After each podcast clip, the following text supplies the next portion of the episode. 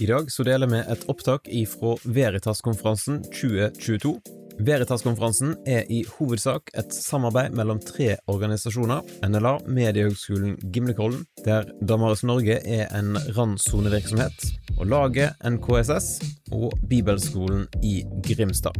Vi vil anbefale deg å bli med på Veritas-konferansen 2023. Den 20. til 22. oktober på Bibelskolen i Grimstad. I 2023 så vil hovedtemaet være Fornuft og fantasi arven etter CS Lewis. Sjekk ut veritaskonferansen.no for mer informasjon, og meld deg på i dag.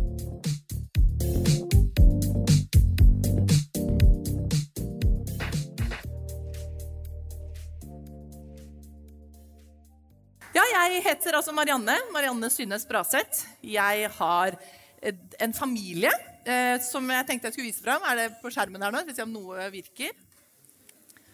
Teknologia er veldig herlig, særlig når det virker. Ja. Eh, ja. Jeg har én mann. Han heter Ståle. Og så har jeg tre unge voksne barn. Bendik, Miriam og Philip. Eh, ja. Jeg bor på Flekkerøya, Kristiansand. Eh, og jeg har vært i fulltidstjeneste i over 30 år. Og da tenker du sånn Ja, starta du når du var ni? Nei, det gjorde jeg ikke. Jeg starta da jeg var 19. Eh, ja. Jeg jobber i Ungdom i oppdrag som forkynner og mentor. eh, ut fra Skjærgårdsheimet på Flekkerøy. Jobber med disippeltreningsskoler. eh, Destiny DTS og Revive DTS. Og så jobber jeg med noe som heter guttogjente.no. Som er et samarbeid. Eh, Så fra i høsten er jeg daglig leder i Gutt og jente. eh, Og bruker en del av tida mi på det. Det er Ungdom i oppdrag sammen med 14 andre sammenhenger som står bak denne nettsida her. Så jeg får lov å si bitte litt om den. Mm.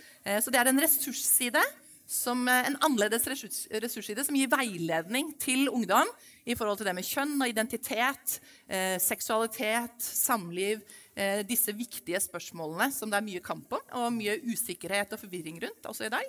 Eh, og ute på bokbordet der så ligger boka 'Gutt og jente', som jeg ble bedt om å løfte fram. Og de har et tilbud under konferansen for 79 kroner. Det er en kjempebra bok som tar fram noe av stoffet fra nettsiden. På nettsiden er det over 1200 spørsmål og svar, eh, artikler, podcaster om dette temaet. Så ta gjerne med den boka. Damaris har utviklet et, eh, leder, en lederveiledning til hvordan du kan bruke denne boka eh, overfor ungdommer, klasser, grupper, som du kan få gratis tilsendt hvis du sender en e-post til gutt at jent- eh, guttogjente.no. Så ligger det også flyers på bordet der, så ta gjerne med det å spre i dine sammenhenger. Vi ønsker å være med å utruste og hjelpe ungdommer til å bli trygge i det som er med identitet og seksualitet og disse tingene å gjøre, og også utruste voksne og de som er i kontakt med ungdom, til å være sunne, gode eh, mennesker og snakke sammen om disse tingene, som kan gi visdom og stå trygt. Og alt dette er basert ut fra klassisk bibelsk syn, positivt syn på samliv og seksualitet. Mm, så det er noe av det jeg jobber med. Ja, det høres veldig spennende ut. Eh, Vi har også med vennetavla vår, som vi har for at vi vil bli kjent med talerne våre på et litt dypere nivå, som egentlig ikke er så veldig dypt. Et overfladisk dypt nivå. Så da kan du få lov til å velge en kategori her borte. Da kan Som- velge en kategori. Ja, sommer ble tatt i går, dessverre. Så vi har eh, framtiden, alternativ virkelighet, favorittkategorien.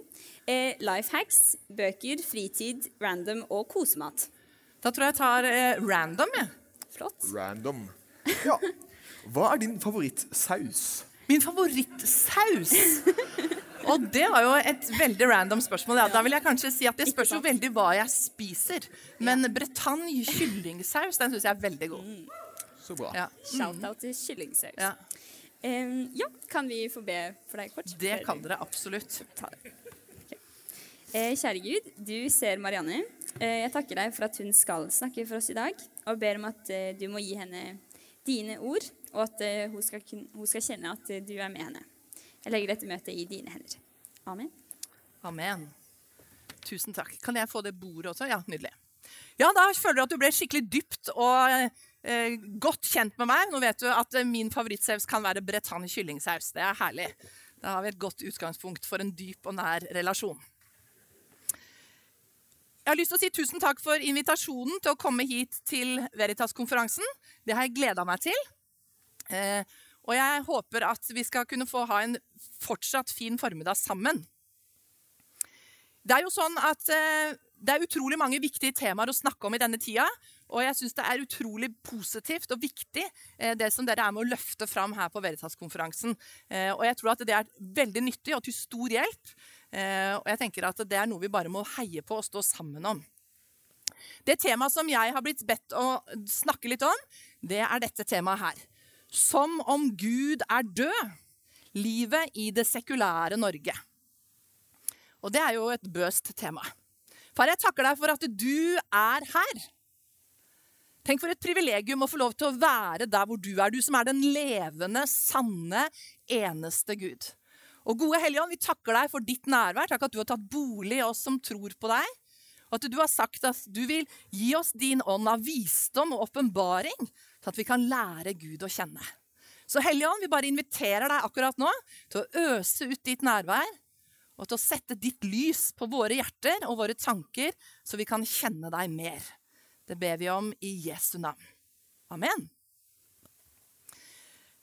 Jeg vet ikke hvordan du har det der hvor du er, og der hvor du bor, men vi har vel alle en erfaring av at vi lever i et samfunn som man gjerne vil si blir mer og mer sekularisert. Og hvor det er et Jeg vil ikke si det er et fravær av Gud, for Gud er allestedsnærværende. Men hvor Gud blir neglisjert, hvor Gud blir marginalisert. Eh, og Noen av de tankene som jeg kommer til å dele, det er et utgangspunkt også fra Magnus Malm sin bok 'Som om Gud ikke finnes'. Hva skjer når livet sekulariseres? Vi er utrolig velsigna som bor i Norge, på mange måter. Vi trenger ikke å se veldig langt for å bli minna om det, eller for å innse det. Og Norge blir jo regna som et kristent land. Er det riktig å si at Norge er et kristent land?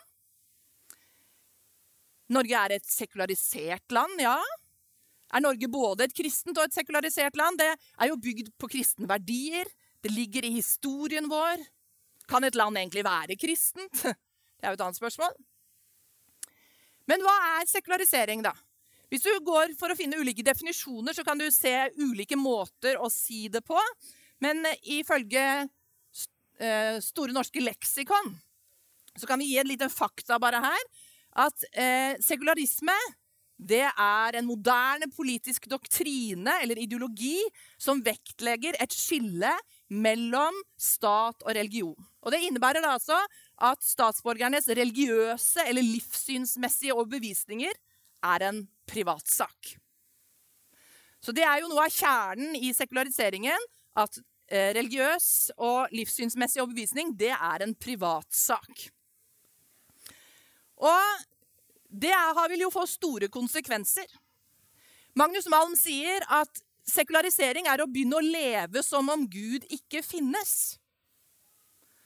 Og Derfor så hevder han at sekulariseringen er like mye et problem innenfor kirken som utenfor. Det er jo interessant og egentlig nokså skremmende hvis vi blir litt i den tanken. Så Magnus Malm han påstår det at det er ikke verden som sekulariserer kirken. Det er kirken som sekulariserer verden. Hvem er det egentlig som neglisjerer Gud? Hvem er det egentlig som marginaliserer Gud? Det er jo utrolig lett å peke på de andre. At det står dårlig til i verden. Men eh, hvordan står det til med meg? Hvordan står det til med deg? Hvordan står det til med oss som ønsker å følge Jesus? Som ønsker å tro og leve med Han i verden? Fordi livet leves jo innenfra. Livet leves ikke utenfra og inn. Og jeg tror ikke at du og jeg bare er liksom offer for en eller annen kontekst. Vi kan være med å skape vår egen kontekst. Ut fra den ånd som bor i oss. Ut fra den sannhet som vi lever ut fra. Og verdenshistorien har mange, mange eksempler på mennesker som har gjort akkurat det. Så når jeg har forberedt meg til i formiddag, så har jeg egentlig følt at Gud har utfordra meg personlig. Og jeg tror at han ønsker å utfordre hver enkelt av oss som er her i formiddag. Og så må vi være villige til å oss, stille oss sjøl noen eh, selvransakende spørsmål. For spørsmålet er jo egentlig lever vi som om Gud finnes? Regner vi med Han i hverdagen vår? For vi kan jo ikke bare se utover og forvente at verden skal gjøre det, eller at andre skal gjøre det. Det er vi som ønsker å følge Jesus, som må gjøre det, som må leve som om Gud finnes. I Bibelen så står det at Jesus var sammen med disiplene, og så spurte han dem, 'Hvem sier folk at jeg er?' Og så presenterte disiplene ulike teorier, ulike synspunkter som folk hadde. Og det var jo teorier, synspunkter, som ikke var sanne. Som ikke hadde fullt og helt eh, grepet hvem Jesus var. De kjente han ikke. Men folk har mange oppfatninger, mange tanker om hvem Jesus er. Sånn er det fortsatt i dag. Men så gikk Jesus videre og så stilte han et spørsmål til. Og så sa han, 'Og dere? Hvem sier dere at jeg er?' Og da svarte Peter, 'Du er Messias, den levende Guds sønn'. Der kan du lese i Matteus 16, vers 13-15. Og Jesus var jo nokså populær. Det var mange som hadde lyst til å følge ham, Men så hardna det seg liksom litt mer til. Det står i Johannes 6 at, eh, at på en måte Jesus begynte å bli litt tydeligere. Det ble tøffere å stå i det som Jesus kom med. Og så sa folk, det står i Johannes 6, 60, dette er harde ord, hvem kan høre på slikt? Han hadde begynt å snakke om at de måtte spise og drikke han, altså bli ett med han. Eh, Det var ikke helt politisk korrekt. Det var vanskelig å forstå. Det var ikke helt mainstream tankegang. Det var ikke lenger bare helbredelser, feel good og under som var på agendaen. Og så står det der i Johannes 6 at etter dette så trakk mange seg tilbake. Mange av disiplene trakk seg tilbake og gikk ikke lenger omkring sammen med Jesus. Og da spurte Jesus dem, vil også dere gå bort? Og igjen så var det Simon Peter som svarte, og så sa han, Herre, hvem skal vi gå til? Du har det evige livs ord, og vi tror og vi vet at du er Guds hellige. Så det avgjørende er jo ikke hva folk sier, men hva vi sier. Det avgjørende er ikke hva de andre gjør, om de går bort, men hva vi gjør, hva jeg gjør, hva du gjør. Og jeg tror det at det er meg Jesus spør. Det er deg han spør. Det er mitt liv jeg kan svare for. Det nytter ikke bare å peke på de andre og si at de er så sekulariserte. De lever ikke som om du finnes, Gud. Og så har jeg tenkt sånn Ja, Marianne, hvor sekularisert er du? Sekularisering handler om å leve som om Gud ikke finnes. I hvor stor grad er du sekularisert?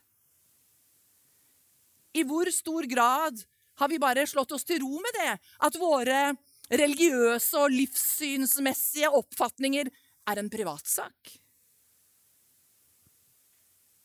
Hva betyr det egentlig at det er en privatsak?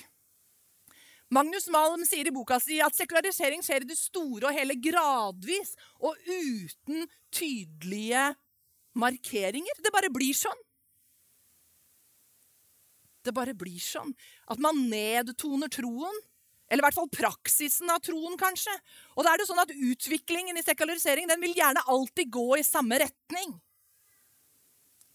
Fra Gud i sentrum til oss selv i sentrum.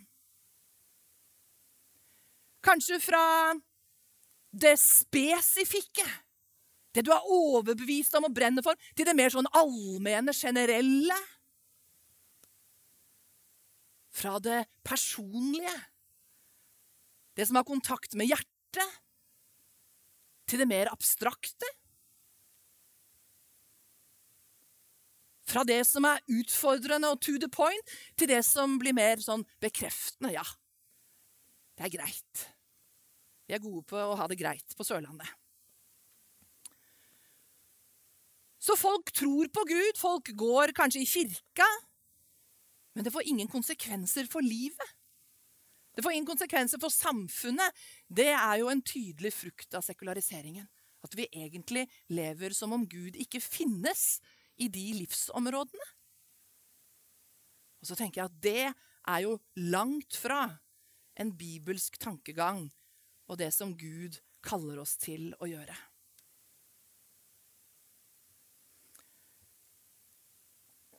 Vi har virkelig noe å invitere folk inn til i Guds menighet, i det kristne fellesskapet. Og folk kan komme og finne troa i det kristne miljøet, i menighetene. Men folk kan også komme og miste troa. Fordi det handler jo om om vi lever som om Gud finnes eller ikke. Og om det bare er i menigheten, så blir det lite troverdig, tenker jeg. Jeg tror ikke vår største utfordring egentlig er at samfunnet sekulariseres, men at sekulariseringen skjer innenfra. At du og jeg, vi som vil følge Jesus, at vi begynner egentlig å leve som om han ikke finnes. Kanskje bare sånn litt etter litt. Ulike områder, eh, aspekter av livet vårt. Og Magnus Malm sier også i boka si at først tømmes troen for innhold, og så tømmes kirken for mennesker. Først tømmes troen for innhold, og så tømmes kirken for mennesker. Og Jesus sier jo det samme egentlig når han sier at det er når saltet har mistet sin kraft, at det blir tråkket ned. Det blir kastet ut og tråkket ned av menneskene. Jeg tror at hvis vi lengter etter å se et forandret Norge, så må vi leve liv som er forandret selv. Og dette her sier jeg like mye ut til meg selv som til alle dere som er her på Veritas-konferansen i dag. I Ungdom i oppdrag, som jeg har hatt gleden av å jobbe nå i snart 30 år, så har vi som ett av våre slagord 'Et forandret Norge' og evangeliet til folkeslagene. Et slagord har liten slagkraft uten levd hverdagsliv bak det. Og jeg tenker, kjære Gud, må du hjelpe oss til å leve sånn med deg. Midt i hverdagen, midt i livet, midt i Norge, og like til jordens ende, sånn at det skaper forandring. Sånn at du blir synlig som den du er. Jeg tror at det er det vi trenger i våre egne liv, og det er det verden også lengter etter. Og Det var så fint som det ble sagt her, at man vil være med å oppmuntre og legge til rette for at både unge og gamle vil jeg si, kan være stolte av troa, være stolte av Jesus, være stolte av Guds ord. At vi ikke snakker lavere og lavere eller mindre og mindre tydelig. At vi ikke lar mer og mer av bakgrunnsstøyen i liv og verden bare ta over mer og mer. Og Når jeg har forberedt meg til den dagen, her, så er det ett vers som på en måte liksom bare har tont litt sånn i tankene og hjertet mitt igjen og igjen. Og det er det verset her fra Salme 34, vers 6 som det står 'Vend blikket mot ham og strål av glede'. Så skal dere aldri rødme av skam. Vend blikket mot ham og strål av glede. Lar du Jesus begeistre deg? Fester du blikket på han lenge nok til at han får lov til å fylle det bildet det betyr ikke at vi ikke kan være ærlige om de vanskelige spørsmålene eller det som utfordrer oss, det vi ikke skjønner noen ting av. Men kan vi feste blikket på Jesus hver dag og la han begeistre oss, la han være den han er, så gjør det noe med hvem vi er, og hvem vi er i han. Hvem ser du på? Hvor fester du blikket? Hvem er du stolt av? Hva er egentlig viktig og verdifullt for deg? Og Hvis vi leser litt mer i Salme 34, så står det fra vers 2 til vers 6 så står det Jeg vil velsigne Herren til alle tider. Alltid lovsynge Han med min munn. Jeg er stolt over Herren. La de hjelpeløse høre det og være glade. Pris Herren sammen med meg. La oss ære Hans navn. Jeg søkte Herren, og han svarte meg. Fra alt som skremte, berget han meg. Vend blikket mot ham, og strål av glede, så skal dere aldri rødme av skam. Og i vers 12 i den samme salmen så står det Kom hit, barn, hør på meg. Jeg vil lære dere frykt for Herren. Jeg tror at dette her er noe av oppskriften, om jeg kan si det sånn. Det er noe av invitasjonen og løsningen. Vi har fått til å stå opp mot sekularisering i vårt eget liv og i omgivelsene våre. Og feste blikket på Jesus hver eneste dag. Og være stolt av han, hans ord. Og vokse i Guds Når det var en skriftlærer som kom til Jesus og spurte hva som var det største budet i loven, så svarte han selv, og Jesus ga han rett.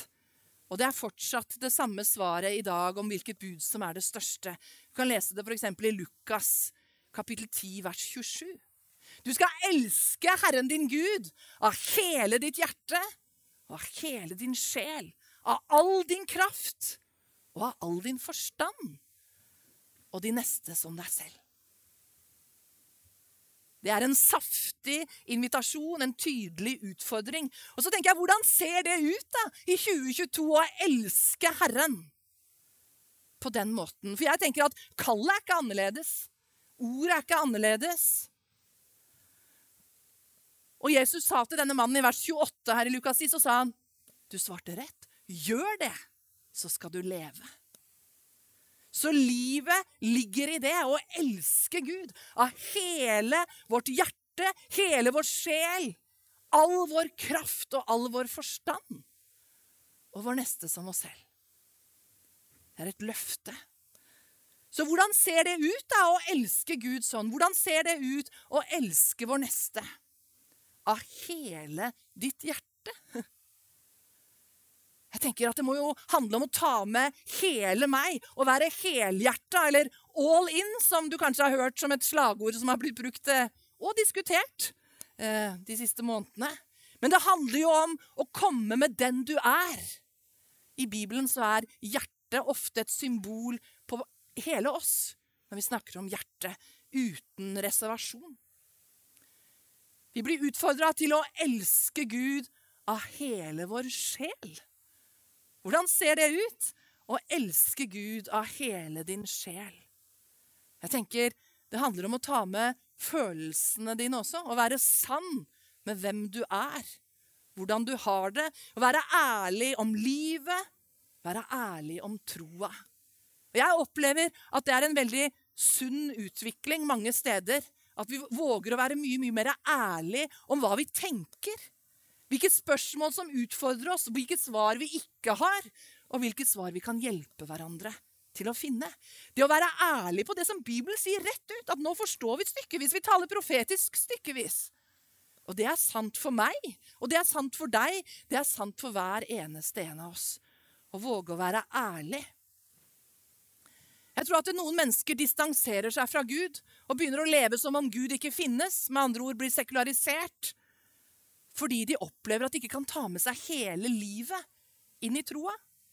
At de prøver, føler at de liksom må prestere noe, eller late som, eller spille en eller annen rolle. At de egentlig ikke kan være seg sjøl. Og da tenker jeg, Hvis vi har en sånn opplevelse i møte med det kristne fellesskapet eller med troa, så er det egentlig ikke Gud vi trenger å distansere oss fra, men en type fromhet som ikke tillater oss å være menneske, å være sanne, å være til stede i vårt eget liv og være ærlige. Du kan elske Herren av hele din sjel, med alt det du har. Og Gud tåler vår ærlighet, han tåler vår smerte, han tåler våre spørsmål, han tåler vår tvil. Han takler hele meg. Og halleluja for det. Hæ? Det er herlig. Det er jo tvert imot sånn, tror jeg, at sårbarhet det knytter oss heller sammen og gjør oss mer troverdige. Men det er så utrolig lett å få den følelsen at man skal prestere Ikke sant? Dag Hammarskjöld har sagt det her. At det er når vi alle spiller sikre, at vi skaper en verden av den ytterste usikkerhet. Jeg syns det er nokså godt sagt, egentlig. Hvor lett er det ikke å prøve å spille en eller annen rolle? Bare når jeg skulle komme hit, så var jeg litt sånn OK, hvem er det jeg møter? Vil jeg virke ordentlig nok? Vil det virke som jeg kan nok? Så tenkte jeg, kjære Jesus, jeg må bare komme og være meg sjøl. Jeg må komme og få dele ut fra mitt sted, mine erfaringer, mitt liv med Jesus. Det er det eneste som jeg kan gjøre med troverdighet. Og det er nok. Du vet at Noen ganger er det sånn at ofte kan vår største frykt som kristne være at vi ikke skal kunne svare på alle spørsmålene. Det spørs litt hvilke miljøer du går i, kanskje. Men vi er kjemperedde for å bli satt fast, og vi føler litt sånn ansvar for å ha alle svarene. Mens ofte så tror jeg at ikke-kristnes største frykt det er kanskje å møte en kristen som tror de har alle svarene. Så kanskje de to egentlig bare burde møtes og ta en prat. Det kunne komme noe godt ut av det. Du har ikke ansvar for å vite alt, men du kan elske Herren av hele ditt hjerte, av hele din sjel og av all din kraft, står det. Det har jo noe med innsatsen du legger inn, prioriteringene dine, hva du velger å eh, sette fokus på med din kjærlighet, med ditt uttrykk. Jeg tenker at det handler om å gi styrken min, kraften min, til han. Jeg er en litt sånn energisk person. Kanskje har du lagt merke til det allerede? Det kan hende. Det hender at folk legger merke til det. Men vi kan få komme akkurat sånn som vi er. Om styrken vår er stor eller styrken vår er liten. Om personligheten vår er sånn eller sånn. Vi kan komme til Han og elske Han av all kraft. Ikke bare når vi trenger Hans kraft, men også få lov til å gi Han det beste vi er, det beste vi har. Og så er altså ikke fokuset om kraften din er stor eller liten, men utfordringen er at du skal elske Han av all din kraft. Ikke av all min kraft eller all noen andres kraft, men den kraften du har. Vær til stede i ditt eget liv. Det er mer enn nok. Og så sto det også det at vi skal elske Herren av all vår forstand. Det er herlig. Du kan få elske Gud med tankene dine, med intellektet ditt, med spørsmålene dine. Og igjen så kan vi falle i den der grøfta at vi tenker at vi er ikke smart nok. Jo, du er det. Du kan elske Herren av all din forstand, ikke av andres forstand. Du trenger ikke å sammenligne deg eller kjenne på mindreverd. Og så utfordrer Bibelen oss til å jage etter å kjenne ham, og vokse i modenhet, og vokse opp til Han som er hodet. Søke å forstå mer.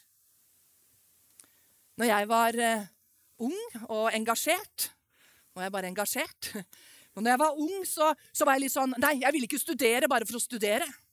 Og min kjære far, som døde for tre år siden, han jobbet eh, hele sitt liv på Menighetsfakultetet. Og har lært meg utrolig mye om respekt for Guds ord. Og jeg hadde noen diskusjoner med han, for jeg kommer fra en nokså akademisk familiebakgrunn på farssiden.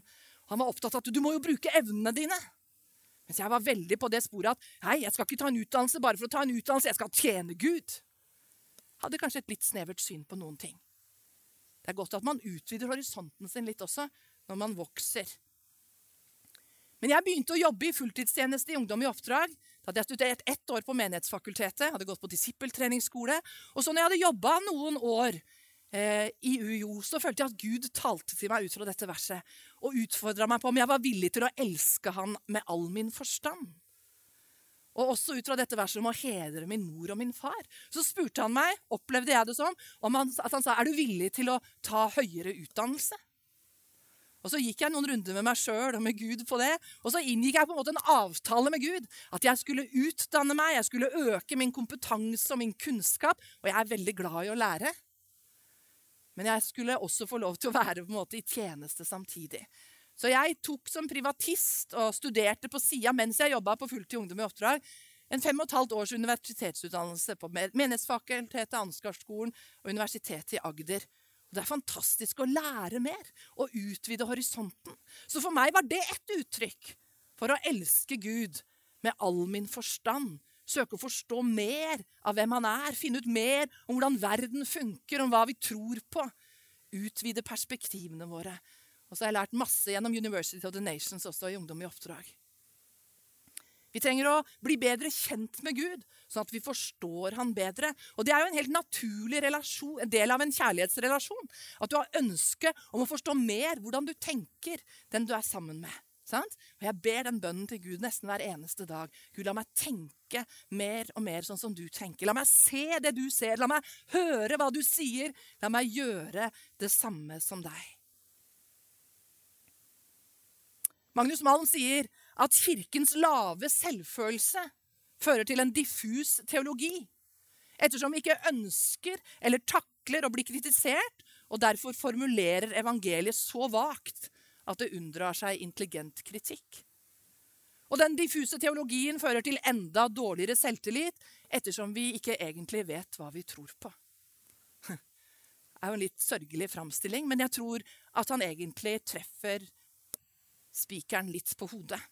Eller som en komiker har sagt det These are my principles, but if you don't like them, I have others. Og det er jo kanskje fristelsen vår eh, som kristne å prøve å tilpasse oss. Og, ja, jeg står for dette, men jeg kan godt stå for noe annet. Jeg, står et, jeg vet ikke hvor jeg står. Så jeg tror at å elske Gud med all min forstand, med all din forstand, det handler også om å være villig til å vokse i kunnskap og innsikt, visdom. Sant? Vi trenger å kjenne sannheten.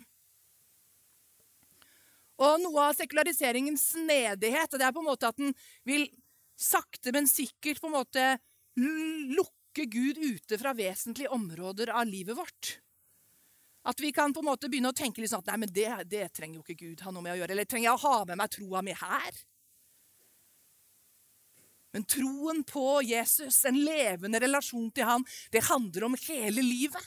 Det handler om alt vi er, uansett hvor vi er. Og det ønsket som vi alle kjenner på, om å bli likt, om å bli applaudert, om å bli forstått av alle Det kan være nokså sterkt, det ønsket. Men jeg tror jeg må si det, at jeg tror ikke det er et særlig bibelsk ønske. Ergerlig, men sånn er det. Og Jesus sier det rett ut i Johannes 15, i vers 18 18-20 så sier Jesus, Johannes 15, vers 18-20, om verden hater dere, skal dere vite at den hatet meg først. Hadde dere vært av verden, hadde verden elsket sitt eget. Men dere er ikke av verden. Jeg har jo utvalgt dere fra verden. Og derfor hater verden dere. Husk hva jeg sa til dere. En tjener er ikke større enn sin herre. Har de forfulgt meg, vil de også forfølge dere. Har de holdt fast på mitt ord, vil de også holde fast på deres. Ja. Vi kan jo takke Jesus for han i hvert fall sier det sånn som det er. Så kan vi like det eller ikke like det. Men jeg tror vi er naive hvis vi tenker at troen vår ikke skal bli kritisert.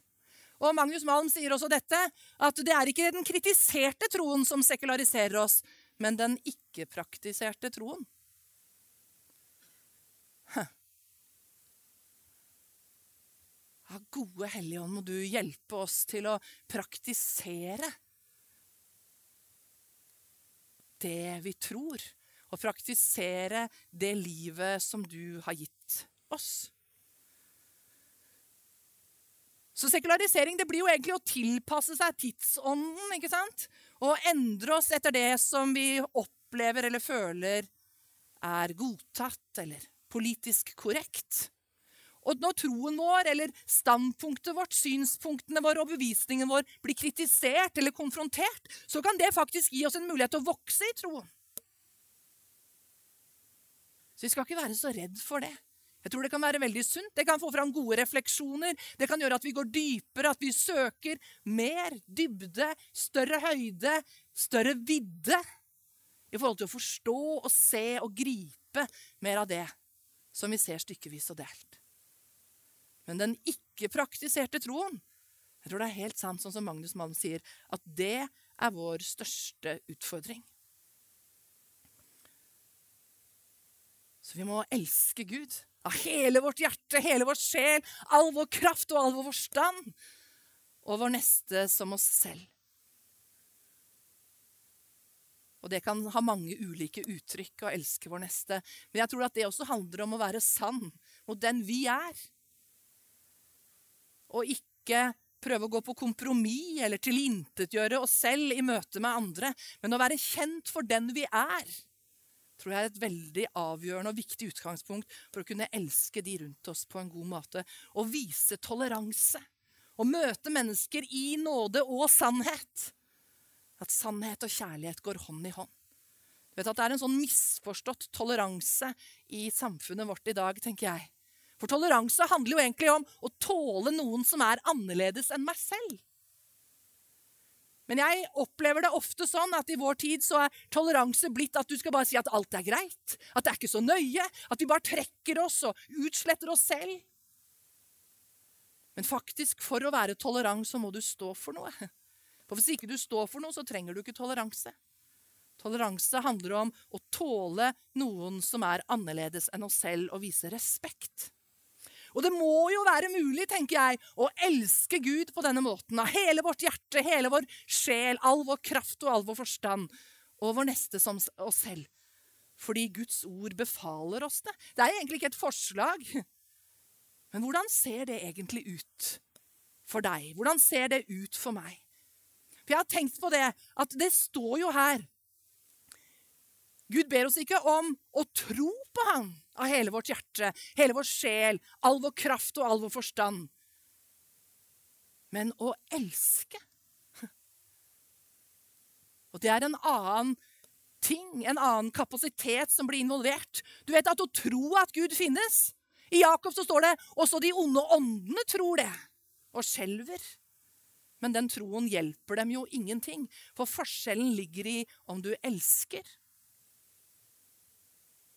i 1. Johannes 3, 18 så står det Mine barn, la oss elske, ikke med tomme ord, men i gjerning og sannhet. Slik skal vi vite at vi er av sannhet, står det videre. Og hvis Jesus virkelig er sannheten, og det er han Det står det i boka, og han sier det sjøl, og jeg er fullstendig overbevist om at det er realiteten. Når Jesus virkelig er sannheten, så kan sannhet umulig utgjøre et problem for troen vår. Som kristne så har vi ingenting å frykte fra sannheten. Sannheten i Guds ord, sannheten i våre egne liv. Jesus tåler alltid sannheten. Han er sannheten, og Jesus hilser alltid sannheten velkommen. Og Vi kan se det i jødisk kultur, vi kan se det både i Det gamle og Det nye testamentet, at sannhet er alltid noe man gjør. Sannhet er ikke et ord, men det er gjerning, det er handling. Sånn at når vi vil møte Guds ord, når vi vil møte sannhet, når vi vil bryne oss på hva er sannhet, sånn som dere gjør på Veritas-konferansen her, så må vårt møte med sannheten bli noe mer enn bare en intellektuell øvelse. Det er egentlig en konfrontasjon med hele livet vårt, med alt det vi er. Mye mer enn bare synspunktene våre, verdien eller tankene våre. Det er viktigheten av å elske Gud, elske Jesus, elske Ordet, Han som er Ordet som ble levende, og kjenne Ordet, leve det ut og praktisere det. I Johannes 14, 21, Johannes 14, 21 så står det Den som kjenner mine bud og holder dem, han er det som elsker meg. Og den som elsker meg, skal min far elske. Ja, også jeg skal elske ham og åpenbare meg for ham. Så når vi kjenner ordet og holder det, da elsker vi. Da vil Jesus vise seg for oss. Da vil han åpenbare seg. Da vil han skru på lyset. Da vil vi virkelig kjenne han. Og jeg tror det er det en sekulær verden trenger. Viktigheten av å kjenne Gud, og også kjenne Han og slippe Han til som en hellig Gud, en Gud vi skal ha gudsfrykt for. Ikke være redd for, men vi skal ha respekt for Han og gi Han talerett og taletid, og la Gud være Gud. Respektere og anerkjenne Hans ord. Gå til Hans ord og gå dypere for å finne svar og finne visdom, men også være villig til å ta imot de svarene vi faktisk finner der, og leve i konsekvensen av det. Og Gud er en hellig Gud, og vi skal være hellige. Vi skal være satt til side for en hensikt. Vi skal være i verden, men ikke av verden. Og det trenger vi å vokse i. Vokse i helliggjørelse. Og det står det i Hebreerne 12,14 at uten helliggjørelse skal ingen se Gud. Så hvis vi lengter etter å kjenne Han, Hans sannhet, så må vi vokse i hvem Han er, også i det som har med hellighet å gjøre. Og fravær av omvendelse, fravær av å ta Gud på alvor som en hellig Gud, det er med og fremmer sekulariseringen. Magnus Malen kaller det for skinnåpenhet for det åndelige. At vi tilsynelatende er åpne for det åndelige, for det som har med Gud å gjøre, det som er sannhet. Men vi søker sannheten på en måte uten å underkaste oss den, sier Magnus Malen. Og hvis vi gjør det, så er vi egentlig immune mot omvendelse. Det å ta på alvor det Guds ord sier til oss, det å virkelig vende oss til Gud og la Han forme livet sitt på sine premisser. Kanskje er vi blitt påvirka mer enn vi liker av en trend i tiden, det med å stemme folk ut.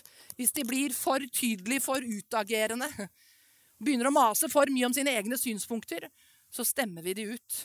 Eh, og kanskje vil vi stemme Gud ut istedenfor å omvende oss. Men i møte med Guds ord så tror jeg at vi trenger både jeg og du som vil følge Jesus, å spørre ikke bare hva er rett lære, eller hva betyr dette? Og bare ha en sånn kognitiv tilnærming med tankene og sinnet vårt, men heller også spørre hvordan berører dette meg? Hva utfordrer du meg til å respondere på gjennom levd liv i min hverdag, far? Hvordan kan vi oppmuntre hverandre til å være stolte av Jesus og av hans ord? Og det er ikke en motsetning til å vokse i kunnskap, til å tenke, til å være ærlig og ekte om livet. Til å stille spørsmål og dele tvil vi måtte ha. Hvordan kan vi leve i en kontekst hvor Gud er neglisjert eller marginalisert? Løsningen er i hvert fall ikke at vi også lever som om Gud ikke finnes. Hva skjer egentlig når livet sekulariseres? Jo, da tror jeg at da blir kjærligheten kald. Da vil frykten og gjerne likegyldigheten ta overhånd. Jeg tror at svaret i vår tid ligger i den bibelske oppskriften å elske Jesus radikalt. Av hele vårt hjerte, hele vår sjel, all vår kraft og all vår forstand. Og feste blikket på Han hver eneste dag. Og leve i daglig omvendelse og gudsfrykt, og ikke neglisjere Han. For den fullkomne kjærligheten driver frykten ut. Jeg tror at troen aldri har ment har vært ment å være en privatsak. Levende tro er personlig, men aldri privat. Jeg tror at Guds ord utfordrer oss til å elske Jesus og hans ord i full offentlighet. Og så kan det ha mange ulike uttrykk og se ut på mange forskjellige måter. Og da har jeg lyst til å spørre deg, hvordan kan det se ut i ditt liv? For vi er kalt til å være Guds kirke, ikke bare gå i kirka. Christians don't just go to church, they are the church. Så far, jeg har lyst til å takke deg for den du er. Takk at du er levende. Takk at du er relevant. Takk at du er til stede. Takk at din visdom fortsatt er visdom. Takk at din sannhet er en evig sannhet. Og takk at du tåler hele oss der hvor vi er. Takk at vi kan få komme med livet vårt akkurat sånn som det er. Og så inviterer du oss til å elske deg og leve med deg i dag. Av hele vårt hjerte, hele vår sjel, all vår kraft og all vår forstand. Ikke å spille et eller annet skuespill, men å gå sammen med deg. Jeg har lyst til å takke deg, Jesus, for den invitasjonen. Og så ber jeg for hver enkelt av oss som er her i dag, at vi skal få vokse i frimodighet. At vi skal få løfte blikket opp til deg og stråle av glede. For vi har ingenting å skamme oss over. Og det takker vi deg for i Jesu navn. Amen. Gud velsigne dere.